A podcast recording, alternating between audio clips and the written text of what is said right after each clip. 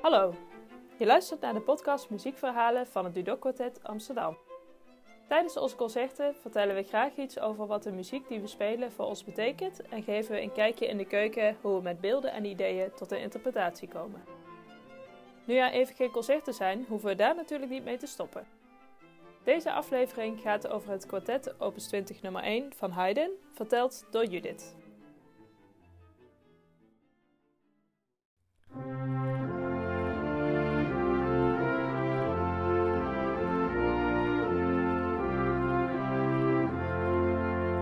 Volgende week is het weer Koningsdag. Nou, normaal gesproken heb ik niet echt veel met Koningsdag. Sterker nog, ik zorg uh, dat ik zo ver mogelijk de stad uit ga, omdat ik echt niet hou van hossende mensenmassa's in oranje kleren en die dan dronken door de straten lopen te lallen. Maar dit jaar had ik me er eigenlijk echt op verheugd. Uh, dat zit zo. Een paar maanden geleden kregen we met het kwartet een e-mailtje. En daar stond in: Hunne majesteiten, de koning en de koningin nodigen u uit om deel te nemen aan het Koningsdagconcert 2020. Nou, en ik dacht dus dat ik niet zo heel veel met de koning had, maar dan voel je je toch wel heel erg vereerd. Dus we hadden hard gestudeerd en we hadden het helemaal goed voorbereid.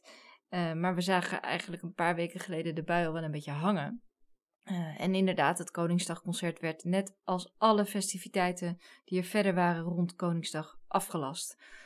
Hartstikke jammer, maar niks aan te doen.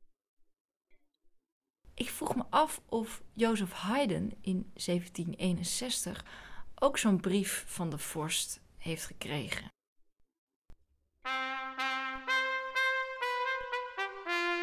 Aan de weledelgeleerde heer Frans Jozef Haydn. Zijne majesteit vorst Esterhazy is zeer gecharmeerd van uw composities en biedt u een voltijds equivalent baan aan als huiscomponist en kapelmeester. Taakomschrijving Als huiscomponist componeert u wat de vorst behaagt, te weten opera's, symfonieën, kamermuziek en kerkmuziek. Ook zult u actief zijn als dirigent en violist. U ontvangt hiervoor een marktconform salaris, tevens huisvesting. Ik denk dat Haydn heel blij was met dit aanbod, want het gaf hem de kans om echt goed geld te verdienen. En hoe meer geld je hebt, hoe meer basis je hebt om daarnaast gewoon dingen te gaan doen die je leuk vindt. Dus hij besloot om de baan aan te nemen en hij verhuisde naar het paleis van de vorst Esterhazy in Verteut. Dat is een dorpje uh, wat nu in Hongarije ligt. Toen was dat nog Oostenrijk. En dat was het buitenverblijf van de Esterhazys. Ze hadden ook nog een paleis in Eisenstadt en ook nog een verblijf in Wenen. Maar dit was hun grote pronkpaleis. Het was gebouwd naar het voorbeeld van de Franse Versailles in rococo-stijl. In 2014 hebben wij met ons kwartet in dit paleis gespeeld. Het paleis bestaat nog steeds en er zijn nog steeds elke zomer concerten. Het dorpje zelf is eigenlijk een beetje teleurstellend. Maar dan kom je bij dat paleis en dan ben je wel even heel erg onder de indruk. Je komt aan uh, op een ovaalvormige, hele imposante binnenplaats. Met aan weerszijden twee keurige grasperken met daarin weer heel precies geordende kleurige bloembedden. En daaromheen is dat enorme paleis gebouwd met witte muren en rode daken. Twee prachtig uitgewerkte trappen die leiden naar de ingang van het paleis. Ik hoorde dat het paleis 126 kamers heeft. En die kamers die waren dus niet bedoeld voor personeel, want dat woonde weer uh, in een ander gedeelte. De vorst was een groot muziekliefhebber, dus hij had in dat paleis een opera laten bouwen. En daar kwamen mensen van heinde en verre op af. En er was ook een marionettentheater voor het lichte vermaak. Maar de mooiste zaal van het paleis was de kamermuziekzaal. Het was een hele grote zaal met enorme kroonluchters. Alle muren en plafonds waren beschilderd met heel veel roze.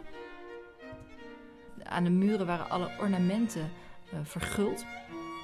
De vloer die was van hout en er zat ook een heel mooi patroon op. En die glanste alsof er echt werkelijk dagen op gepoetst was. En in de zaal stonden allemaal met roze stof beklede stoelen. En in het midden van die rijen stoelen stond één hele grote troon.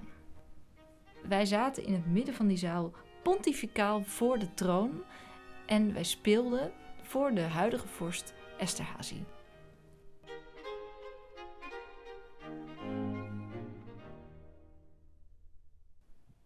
Dit klinkt allemaal behoorlijk idyllisch, zo'n paleis. Maar ik sla nu een detail over.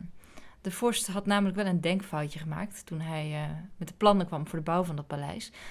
En hij liet het paleis bouwen op een moerasgebied. Gevolg, het was er altijd tochtig en koud en er moest continu gerenoveerd worden. En personeel en bewoners waren vaak ziek. daarbij was het ook nog 100 kilometer van Wenen. Dat doe je, zou je nu in een uurtje doen. Maar met een postkoets doe je daar echt zeker twee dagen over. Dus het was eigenlijk allemaal niet zo heel idyllisch als de bedoeling was. En Haydn had dus de schone taak om voor mooie, onderhoudende muziek te zorgen. Misschien ook wel om dit kleine smetje op de Hongaarse Versailles te doen vergeten. En dat deed hij met verven. Bijvoorbeeld met dit kwartet.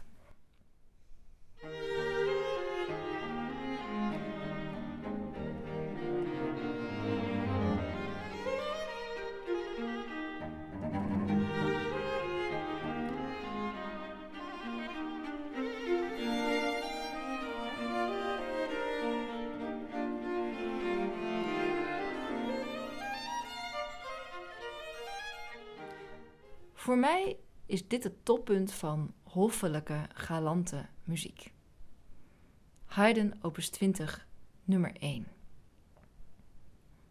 Het is alsof Haydn in deze eerste paar maten een buiging maakt voor de koning. Zo'n buiging waarbij je je arm boven je hoofd doet, met je vingers een beetje in de lucht.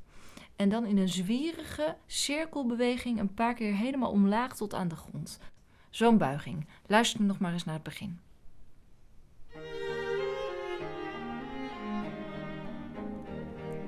Eerst laat hij dat gebaar door de eerste viool maken. En dan gaat de tweede viool een paar maten later daar nog eens overheen. Nog zwieriger en nog eleganter.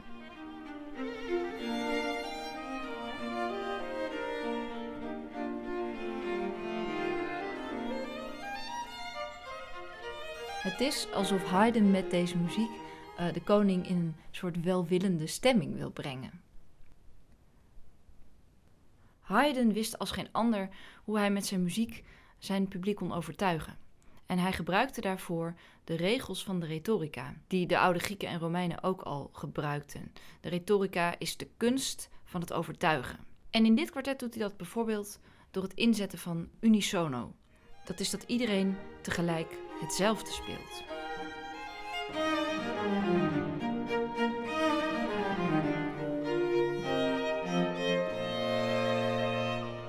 En in dit stuk is dat extra bijzonder, omdat het het eerste moment is waar iedereen ook echt tegelijk speelt. Daarvoor was het een dialoog tussen drie instrumenten. En op het moment dat ze met z'n vieren bij elkaar komen, dan vormen ze een enorme eenheid door dat unisono. Of een ander trucje is dat hij op onverwachte momenten twijfel zaait. Dus net als je denkt: oh, dit liedje ken ik wel, nu komt het weer. Dan laat hij ineens de eerste viool iets anders doen. Blijft alleen over. En krijgt dan bijval van de ander.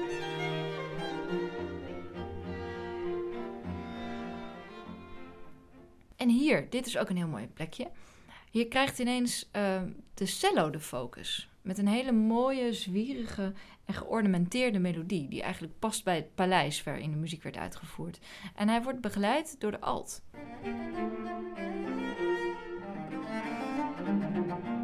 Dus door de violen even tot zwijgen te brengen, ben je helemaal gefocust op de cello en de altviool. En luister je extra goed. En daarna herhaalt hij dat trucje, maar dan door de twee violen aan het woord te laten.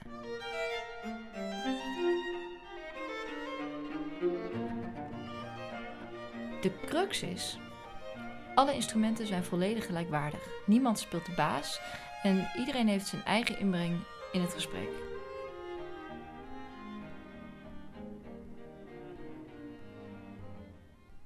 Je zou kunnen zeggen dat Haydn met zijn strijkkwartetten en met dit strijkkwartet als voorbeeld de vorst lichtjes indoctrineerde, of in elk geval in een uh, bepaalde richting leidde. Eigenlijk stelde Haydn in zijn functie als muzikus bar weinig voor en hij was ook nog eens van hele lage kom af als zoon van een wagenmaker. Maar doordat de vorst zijn muziek zo kon waarderen, had hij Haydn als mens ook heel hoog zitten. En zo werkte Haydn zich op tot een van de belangrijkste mensen van het paleis. Dat is meteen een beetje de tragiek van de Esterhazys. Toen Nicolaus Esterhazy doodging in 1790, uh, eh, toen wilden zijn zoons niet meer in dat enorme paleis wonen. De muzici verloren hun baan. En langzaam maar zeker verloren de Esterhazys hun macht en hun rijkdom. De enige die eigenlijk echt bekend is gebleven en degene door wie dit paleis ook bekend is gebleven, is de huiscomponist. We vinden het jammer dat het Koningsdagconcert niet doorgaat. Maar gelukkig is er genoeg koninklijke muziek voor ons om te spelen. Want Haydn is voor ons toch eigenlijk wel de echte koning.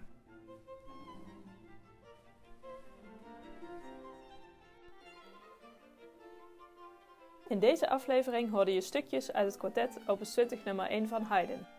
Deze is te vinden op onze nieuwste cd die vanaf 1 mei te verkrijgen is.